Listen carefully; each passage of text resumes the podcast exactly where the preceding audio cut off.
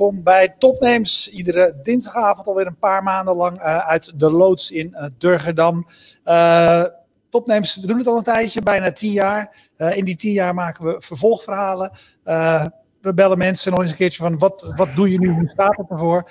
Cynthia Schultz, jij bent er eentje van. 2012 ja. hebben we hier gesproken. jij bent ja. overigens een van de grote kijkcijferkanon, hè? Dus best bekeken uitzending. Want jij had zo'n had zo'n groot uh, netwerk, had zo'n groot uh, aantal volgers, zeg maar, als uh, Miss Lipgloss, hè, je, je, beauty, je beauty blog. Ja. Maar daar komen, daar komen we straks wel eventjes op. Maar je, doet, wat je doet, maar je doet nu iets heel anders. Wat doe je nu?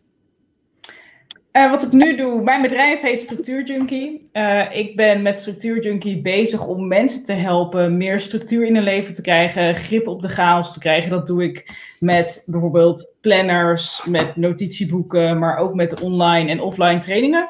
Dus dat is heel wat anders dan, uh, dan wat ik acht jaar geleden deed. Hoe, hoe, hoe, ben je, uh, hoe ben je van het een naar het andere gegaan? Want je deed dat heel succesvol, hè? want toen was de kop boven het artikel volgens mij ook dat je er goed van, kan van, kan, van kon leven. Van je, ja. van, je, van je blog, van je video's, uh, et cetera. Uh, was, je, was je het zat of, of, of was de hele wereld een beautyblog geworden? Ja, dat is eigenlijk best wel een, een lang, lang verhaal, maar ik ga het proberen wat korter te vertellen. Um, ik heb in totaal uiteindelijk tien jaar gebeautyblogd. Uh, ik ben op mijn zestiende begonnen en uh, het was na een tijdje. Uh, ik, ik was er, ik, ja, de koek was een beetje op. Dus ik merkte dat ik um, gewoon er steeds minder zin in had. ik vond het bloggen op zich en het ondernemen op zich nog heel leuk. Maar uh, ja, ik schreef wel elke dag over nieuwe mascara's, over nieuwe nagellak, over weer een nieuwe collectie van dit en dit merk. En ik was, ja, ik, ik was er gewoon een beetje klaar mee. Ik vond het ook leuk om te schrijven over andere dingen. Dus over reizen, over eten, over boeken. Maar ja, mijn blog heette Miss Liplos en het was een beautyblog.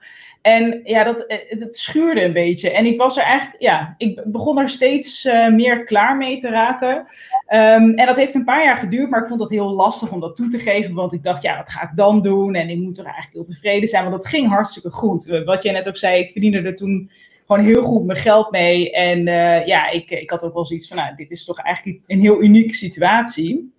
Ik vertelde toen ook, dat is wel grappig, ik keek vanochtend even wat fragmenten terug van toen ik acht jaar geleden bij jullie te gast was. En toen zei ik ook, ja, er zijn iets van 350 beautyblogs of zo. Het was toen, er is een hype geweest en uiteindelijk was het, ik denk dat het was in de periode dat het toen bij jullie was, toen was het echt op zijn hoogtepunt. En daarna uh, begon het ook wat minder te worden. Dus er kwamen wat minder bezoekers. Het werd steeds wat minder ja, bijzonder eigenlijk. Gewoon een beautybloggen was eigenlijk gewoon doodnormaal geworden. En iedereen deed dat. Iedereen en zijn moeder. Uh, dus na een tijdje, ja, ik was er een beetje... Ik begon het zat te raken. Toen ging ik nadenken, wat wil ik dan doen? Toen heb ik de switch gemaakt van... Uh, Miss Liplos naar Cynthia.nl. Dat is hoe mijn blog tegenwoordig heet. Ik blog nog steeds. Um, omdat ik gewoon wilde bloggen over alles wat mij bezig hield. Dus letterlijk van uh, van recepten tot, um, tot meer uh, negatieve dingen ook. Weet je, dingen die mij bezighouden persoonlijk. Maar ook leuke dingen over reizen. En ook nog heus wel een beetje over make-up. Maar ik wilde niet alleen nog maar over make-up schrijven. En ik wilde eigenlijk soort van mijn regels opnieuw gaan bedenken. Want ik zat voor mijn gevoel altijd heel erg vast in hoe ik Miss Lipgloss ooit bedacht had. Dat was 2017.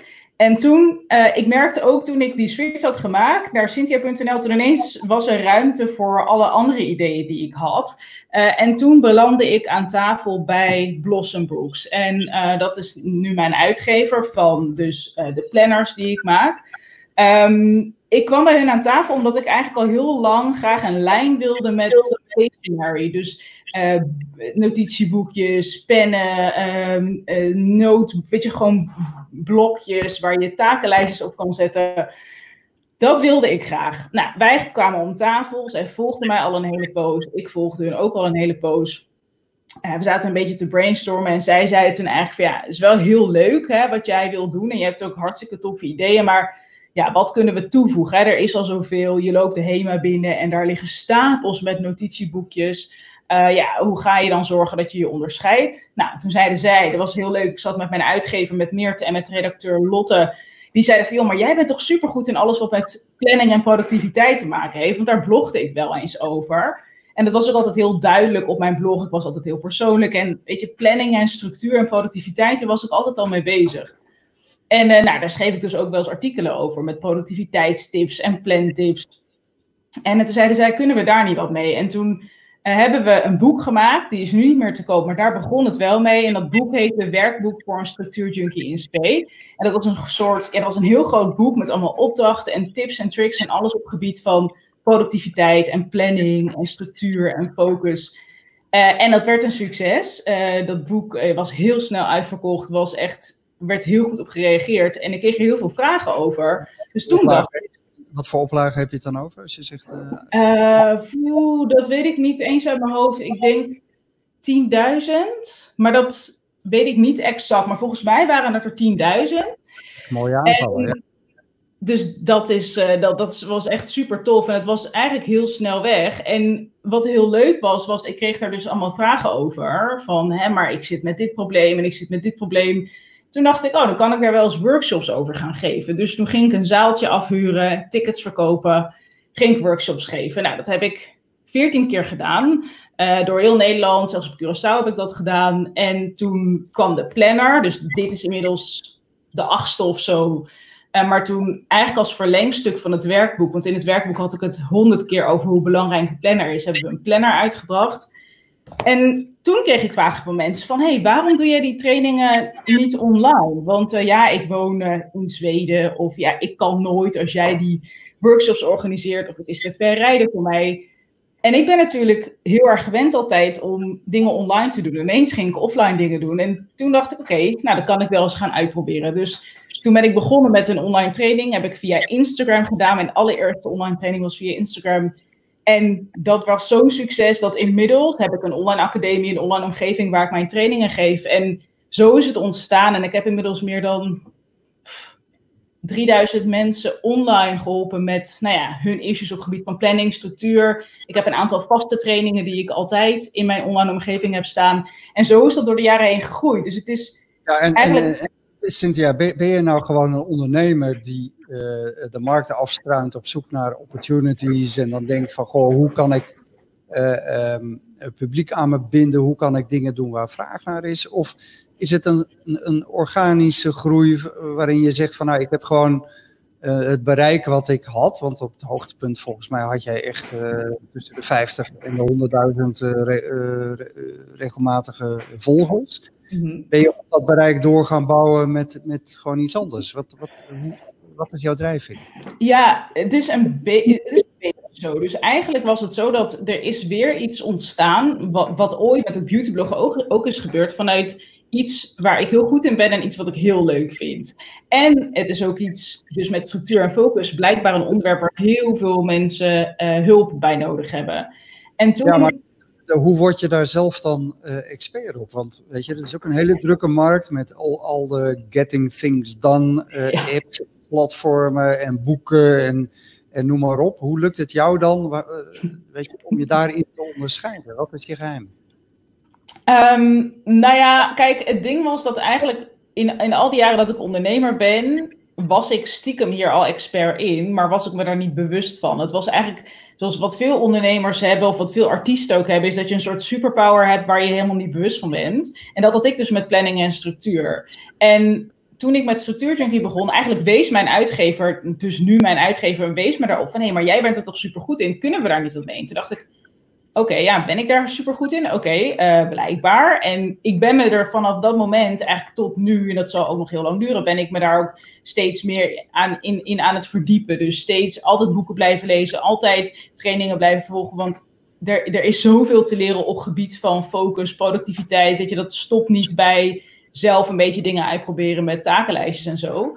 Um, maar hoe ik dat heb gedaan, nou ja, ik heb natuurlijk inderdaad het voordeel gehad dat ik mijn fanbase van mijn blog had. Um, maar ik, merk, ik heb wel gemerkt dat het maar een heel klein deeltje daarvan is geïnteresseerd in structuurjunkie. Want structuurjunkie is ook weer een heel specifiek onderwerp. En er zijn, uh, ik, ik heb inmiddels heel veel klanten en ook heel veel volgers met structuurjunkie. Want met structuurjunkie heb ik nu op Instagram 15.000 volgers, geloof ik. Hey, wat um, bereik je, met, je, met je blog gebeurd, met uh, Miss Liplos? Heb je dat verkocht of is dat een zachte dood gestorven? Nou, dat, ik heb het helemaal omgegooid. Dus uh, wat nu Cynthia.nl is, daar zit ook helemaal nog een Miss Liplos archief op. Dus alles bestaat nog. En ik heb daarmee ook mijn SEO kunnen behouden. Want dat was wel een ding dat ik dacht, ja, ga ik dan nu alles weggooien? En opnieuw beginnen, dat wilde ik eigenlijk niet. Dus het bestaat nog steeds. En ik blog ook nog steeds, maar het is niet meer, het is niet meer een groot onderdeel van mijn, uh, van mijn omzet. Je vertelde net hoe uh, al de dingen die je bent gaan doen en bent gaan onderzoeken waar je uh, ook je geld mee verdient. Dat kwam ook eigenlijk heel soort organisch over. Hè? Uh, wat is nu de belangrijkste, wat is de belangrijkste uh, inkomstenstroom van die verschillende dingen die je doet? Uh, nu mijn online trainingen. Ja. En, zijn, en is dat, zijn dat één op één trainingen of zijn dat trainingen? Kan ik er nu naartoe gaan en zeg maar, heb, heb je tien online lessen om elkaar staan en moet ik een opdracht gaan doen? En dat ja, dingen. dat is het. Ja, dus je kan naar structuurjunkie.nl slash academie en daar staan op dit moment twee trainingen in. En dat zijn dus ook de trainingen uh, waar ik heel veel omzet uit haal. Uh, een training over uitstelgedrag en een training over plannen. Dat zijn uh, onderwerpen waar nou ja, mijn klanten, maar ook mensen die mij nog niet kennen, heel veel interesse in hebben. Dus nou, inderdaad dat... dat dat uitstelgedrag, dat, uh, dat, daar moet ik dan maar eens, ook maar eens even. Uh, ja. ja. Misschien is het nog een kortingscode. Ja, krijg je korting? Want ja, is... ja, ja, ja, met de code thuiswerken krijg je 10 euro korting. En even, en even, even in vogelvlucht, uh, Cynthia. Ja. Even gewoon met persoonlijk interesse, dat uitstelgedrag van mij. Hoe kan ik dat dan oplossen? Nou, het is het als eerste, heel kort, uh, ga ik het samenvatten. Als eerste is het belangrijk om te weten uh, waarom vertoon je uitstelgedrag. En uh, in de basis vertoon je uitstelgedrag omdat je je brein wil pijn vermijden. Dus je brein wil eigenlijk plezier en genot. En je stelt iets uit omdat datgene wat je uitstelt, dat is iets wat blijkbaar moeilijk is, of waar je tegenop ziet, wat lastig is, of wat nog vaag is. En dat, uiteindelijk is het iets wat, wat, wat pijn geeft, wat pijn doet. Dus je gaat het uitstellen. En als je het uitstelt. Die zin gewoon, kan ook toch? Ja, dat kan ook, maar dat is ook pijn. Dus dat is ook, want dan heb je geen zin in datgene en dan ga je liever wat anders doen. En als je dan wat anders gaat doen, wat het ook maar is, uh, maar dat is eigenlijk meteen een soort beloning van um, dat je dus niet die pijn ervaart. Dus je krijgt meteen een beloning voor hen. Nu heb je wel plezier of genot, niet die pijn. Dus daardoor ga je elke keer weer opnieuw dat uitstelgedrag vertonen. Er kunnen allemaal dingen onder zitten, van perfectionisme tot faalangst. Um, dat kun je ook nog helemaal onderzoeken. Maar dat kan eronder zitten. Maar dit is zeg maar de basis dat je brein pijn wil vermijden.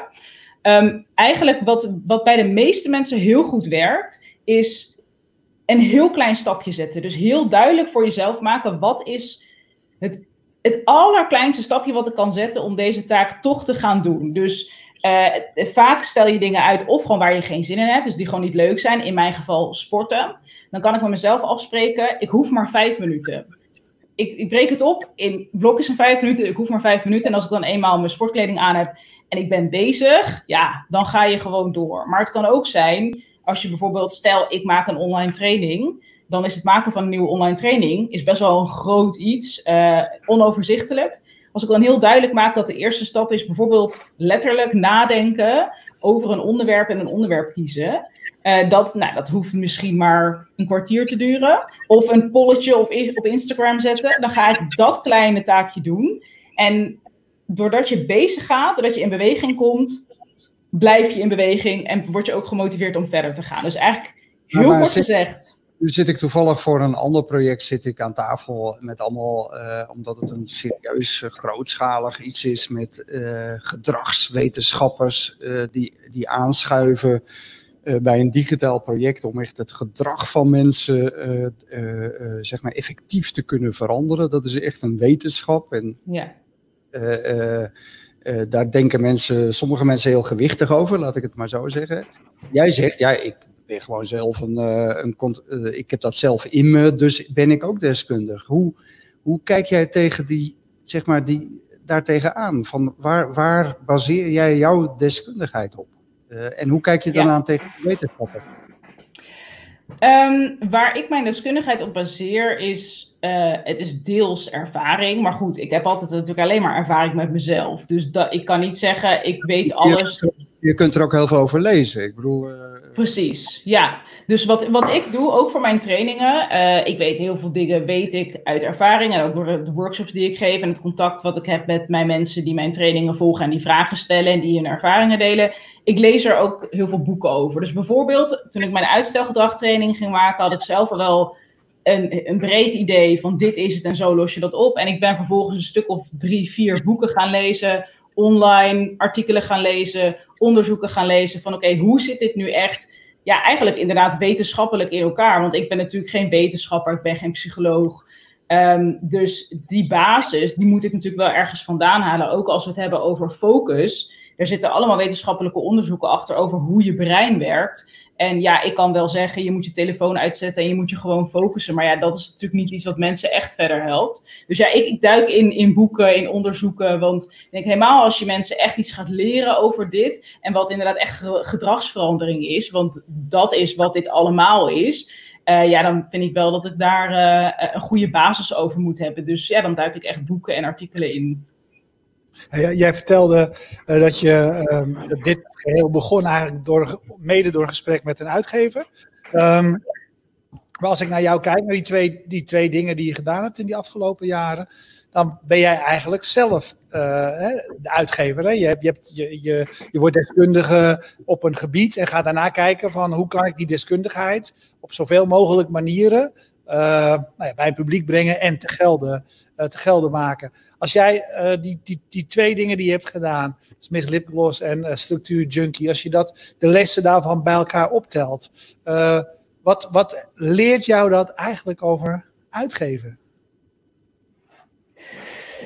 Over uitgeven, ja, want ik ben inderdaad natuurlijk met. Um... Want ik, dus eigenlijk, dus even niet terug naar de uitgever die zijn boek uit, uitbrengt, mm -hmm. maar eigenlijk op zoveel mogelijk manieren je deskundigheid, je verhalen vertellen, je verhalen te gelden maken. Ja, dus als ik terugkijk naar Miss Liplos, toen uh, deed ik dat natuurlijk echt op een blog. Dus had ik, en op YouTube heel veel, had ik natuurlijk heel veel volgers die, uh, die gewoon dingen wilden leren over make-up. En over hoe ze nou hun eyeliner moesten aanbrengen en welke mascara ze moesten kopen. En wat ik zelf heel erg heb gemerkt, en wat voor mij ook een hele grote switch was. Ik weet niet zeker of ik nu je vraag beantwoord, maar zeg het straks maar als het niet zo is. Um, is dat ik nu, ik doe eigenlijk qua inhoud, nou, niet qua inhoud, maar qua vorm doe ik bijna hetzelfde. Want ik deel kennis uh, vanuit mezelf uh, naar mensen die mij volgen. En dat doe ik op Instagram, dat doe ik in mijn nieuwsbrief uh, van Structuur Junkie. dus dat doe ik deels gratis, maar dat doe ik ook voor een heel groot deel betaald. En wat voor mij het grote verschil is nu, is dat ik het toen altijd gratis deed. Dus al mijn content was gratis en ik verdiende geld door advertenties, door adverteerders. Um, nu verdien ik geld doordat mijn volgers, ja, hoe je dat dan wil noemen, dat die geld betalen om mijn content te zien. Dus omdat ze uh, geld betalen voor een training. Waar ik vroeger had ik daar een YouTube-serie van gemaakt. Dan had ik een YouTube-serie gemaakt over uitstellen. Had ik zes filmpjes gemaakt over uitstelgedrag met opdrachtjes erbij. Nu verkoop ik het in de vorm van een training. En dit had ik zes, zeven, maar zelfs vier jaar geleden nooit gedaan. Omdat ik altijd dacht, mijn volgers uh, betalen niet voor online content, want die zijn heel erg gewend om bij mij gratis content te krijgen. Um, maar ik heb toch die stap gezet om dat te gaan doen en om dat te gaan uitproberen. En blijkt dat dat dus onzin is, was een overtuiging van mij die niet klopte. Uh, maar daar zit voor mij het grote verschil. Terwijl in de basis is het hetzelfde. Ik maak filmpjes, ik leg dingen uit. En dat deed ik toen ook, maar dan over make-up. Nu gaat het over focus, structuur, planning, productiviteit, uitstelgedrag. Uh, en doe ik het eigenlijk achter een ja, betaalmuur klinkt altijd een beetje ordinair. Maar ja, mensen kopen een ticket en die volgen een training. En uh, dat is voor mij een hele grote shift geweest. Dus dat mijn, echt mijn volgers mij betalen voor mijn content. In plaats van dat adverteerders betalen uh, om gratis content aan te bieden. Uh, ja, wij nemen altijd graag kijkersvragen, Cynthia. ik zie een vraag van Johan Schaap binnenkomen. Die vraagt uh, zijn er lessons learned vanuit de beautyblog-periode die je kon toepassen in je nieuwe activiteiten? Ja, heel veel. Uh, maar ik denk de grootste, maar dat is misschien gewoon wat ik vanuit het ondernemerschap heb geleerd, is dat ik uh, nooit iedereen tevreden kan maken. Um, want dat heb, ik, dat heb ik echt door het bloggen geleerd. Dat kijk, er is altijd een groep die vindt iets niet leuk en dan, doe je, dan luister je naar hun en dan vindt een andere groep het weer niet leuk. Dat heb ik heel erg geleerd om dat heel erg meer los te laten en veel meer te denken vanuit, oké, wat wil ik zelf heel graag delen? Uh, wat vind ik waardevol? Uh, en ook de manier waarop ik dit wil delen. En natuurlijk vraag ik nog steeds, doe ik voor Structuur Junkie ook, nog steeds aan mijn klanten van oké, waar willen jullie content over zien? Waar zou je het allerliefst een training over willen zien? Uh, welke vraag heb je? Wat zou je van mij willen leren? Maar ik doe het wel veel meer vanuit wat ik denk dat goed is. Waar ik vroeger als beautyblogger veel meer aan het kijken was naar: oké, wat willen mijn lezers zien? En ik moet mijn lezers bedienen, want als mijn lezers weggaan, heb ik niks. En dat is natuurlijk nog steeds zo. Als mijn klanten weggaan, dan heb ik niks. Dan heb ik geen inkomen. Uh, maar ik ben er nu veel meer van overtuigd. Ik ben veel meer overtuigd van mijn eigen kracht en kennis. En dat ik, dat ik weet uh, waar mijn uh, klanten op zitten te wachten. Ook door het wel aan zitten vragen, maar wel altijd zelf die heldere keuze te maken en zelf daarin de touwtjes in handen te houden. En dat heb ik met het blog altijd heel moeilijk gevonden. Dat ik altijd een soort van uit elkaar gescheurd werd door al die mensen met al die meningen die allemaal iets wilden. Uh, en dat, is, het, is het wat dat betreft ook rustiger voor je? Gewoon vanuit jezelf, in je eigen tempo, je eigen onderwerpen. terwijl ja. eigenlijk dat bloggen is een heel erg onrustige, gejaagde uh, periode geweest met veel concurrentie, met onzekerheid, al die dingen die erbij horen. Ja, nee, dat is het zeker. Als ik terugkijk, uh, nou dat kwam eigenlijk doordat ik vanochtend dus zelf even mijn uh, interview met jullie ging terugkijken van acht jaar geleden toen werd ik weer even teruggezogen naar, naar die tijd, naar 2012. En toen dacht ik inderdaad van, jeetje, ik liet me ook heel erg leven. Uh, en, maar dat is ook helemaal niet gek, want ik was hartstikke jong en er gebeurde zoveel. En ik moest eigenlijk altijd naar de, naar de pijpen van de adverteerders dansen, want daar verdiende ik mijn geld mee. En dat was altijd verschrikkelijke chaos. Uh, want eigenlijk, ja, die bepaalde, die betaalde dus die bepaalde. En wel, ik kon altijd mijn eigen content wel bepalen, want dat was ook mijn kracht. Um, maar het was altijd heel erg veel, uh, ja, toch veel gedoe. En ook met bezoekers. Um, het was altijd, ik was all over the place. En nu is het inderdaad ook doordat ik veel meer heb geleerd om grenzen aan te geven en veel helderder te krijgen. Wat vind ik belangrijk, wat wil ik nou eigenlijk? Uh, ja, is het inderdaad veel rustiger geworden in mijn hoofd. Maar ook echt op, als ik kijk naar hoe mijn planning eruit ziet en wat ik wel en niet doe, maak daar veel duidelijkere keuzes in. En ja, ja het is heel anders geworden. Als jij ook niet zou kunnen plannen, dan zou je natuurlijk helemaal niet. nee, dat zou, dat zou niet kunnen. Nee, dat. Uh, nee.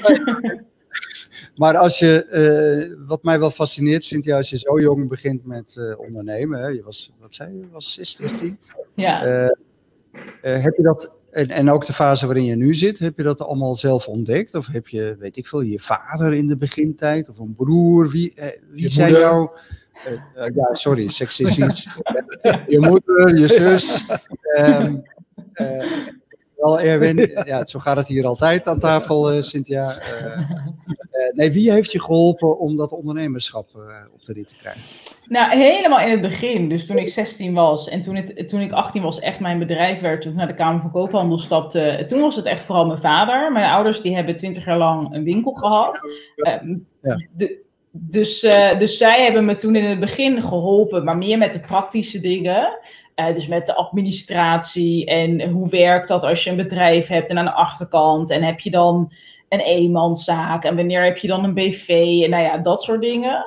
Um, maar ik heb de laatste jaren, um, zij zijn inmiddels met pensioen. En niet dat ze dan ineens niks meer van het, van het ondernemerschap weten. Maar zij hebben altijd op een hele andere manier um, hun bedrijf gerund dan dat ik dat nu doe. De laatste jaren ben ik veel meer mezelf aan het verdiepen in hoe werkt het runnen van een bedrijf überhaupt. Als ik ook terugkijk, eigenlijk de eerste acht jaar dat ik, heb, dat ik ondernemer was, deed ik eigenlijk maar wat. Ik had geen idee. Ik wist ook helemaal niet wat er aan de achterkant gebeurde qua cijfertjes. Ik had altijd iets als, als ik kan pinnen, dan zal het wel goed zijn. Um, ja, het was eigenlijk een grote. Eh, aan de achterkant was het een, een chaos, omdat ik. Ik, ik vond het niet interessant. Ik wilde gewoon bloggen. En uh, als ik daar dan mijn geld mee verdiende, vond ik dat prima.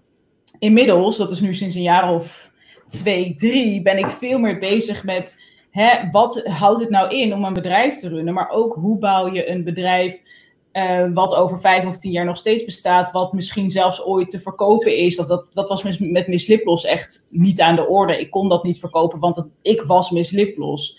Ehm, en ik ben het laatste jaar ook met een, een business coach bezig. En daar leer ik heel veel van. En ik ben veel meer bezig met marketing. Gewoon veel meer zelf bezig met mijn bedrijf uh, laten groeien. En ook hoe werkt het met een team? Hoe werkt het met delegeren?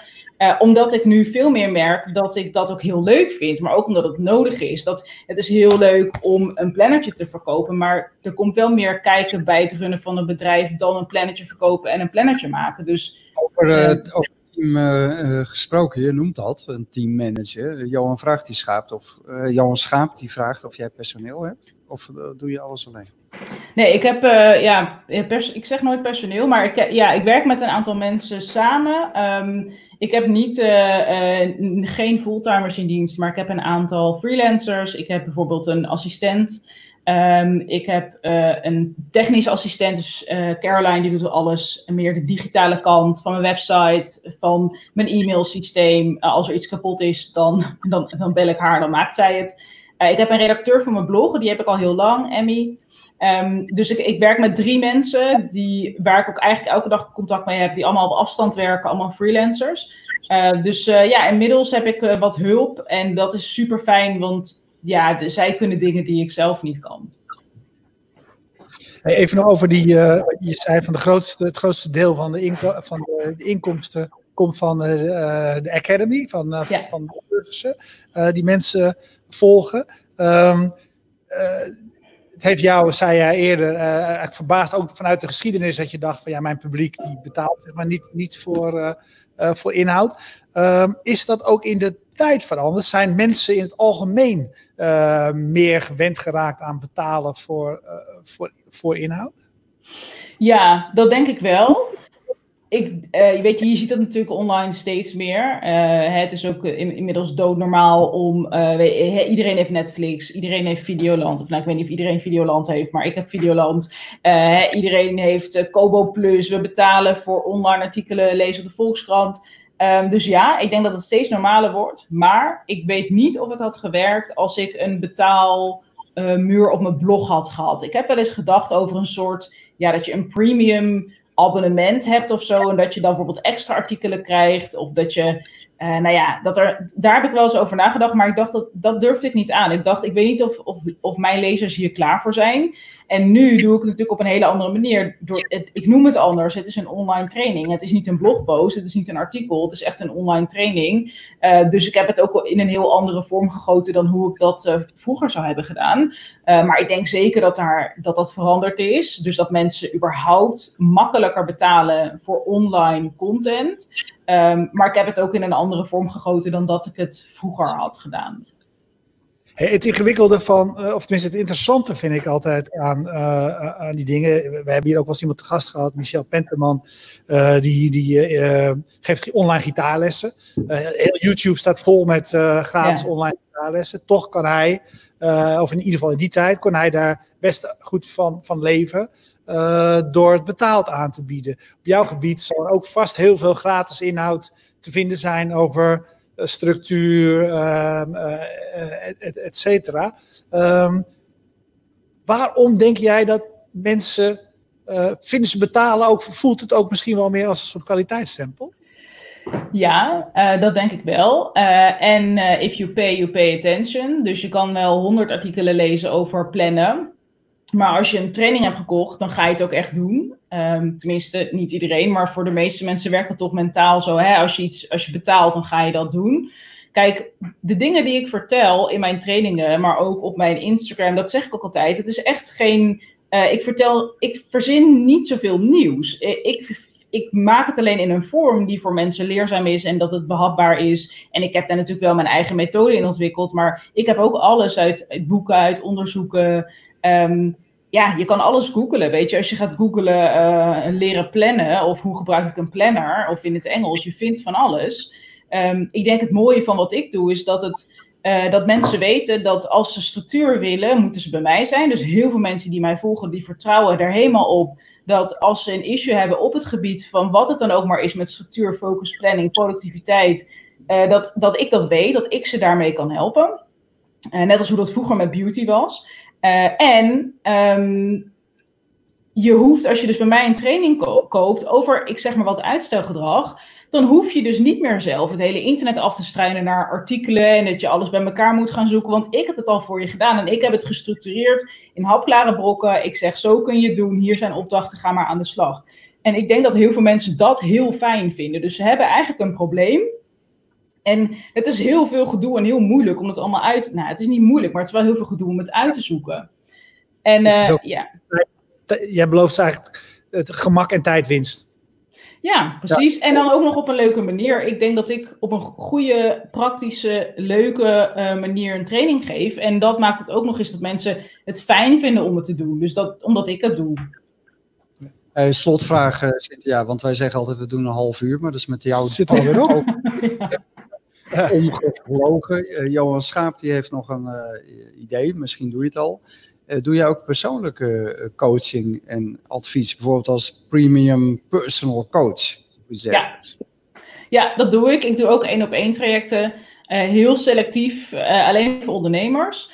Dus dat zijn halfjaartrajecten. Ik heb nu twee klanten waarmee ik dat doe. En ik, ik heb ook eigenlijk een max van drie, ik zeg altijd drie, vier, want het, het is heel intensief. Deze mensen mogen mij ook altijd appen. Ik kan me dus melden Zeker. Ja. 10 euro. ik zou best een beetje advies kunnen gebruiken, dus daar kom ik morgen dan wel even op terug. Ja. Dat is goed. Hey Cynthia, ontzettend bedankt. leuk te horen hoe het, hoe, het, hoe het met je gaat. En uh, ja, de lessen die je hebt geleerd. En hoe je eigenlijk gewoon heel praktisch de dingen die langskomen uh, omarmt en succesvol uh, omarmt. Heel ja. mooi. en wat ik ook heel mooi vind, ook al heb je een aantal mensen met, met wie je dit doet. Je bent wel zo heel erg zo'n voorbeeld van zeg maar, de mediamaker anno nu die als een soort eenmans, nou ja, met, als een klein, met een klein bedrijf je toch gewoon een goede business kan doen dankzij al die online mogelijkheden die er zijn. Mooi voorbeeld. Ja, dankjewel. Heel, erg bedankt. Uh, jullie bedankt voor het kijken. Kijk volgende week weer. We doen nog twee uh, dinsdagen stekel. Dan gaan we zoals altijd er twee maanden tussenuit. Juli en augustus doen wij nooit. Zijn we op vakantie. Ja. En dus nou, nog twee, nog twee leuke, leuke weken te gaan. En we bedanken zoals altijd PQR, Bier Co, Jetstream, Freedom Lab en de loods uh, hier in Durgedam voor hun bijdrage aan, aan topnames. En nou ja, tot de volgende week. Dag, dankjewel.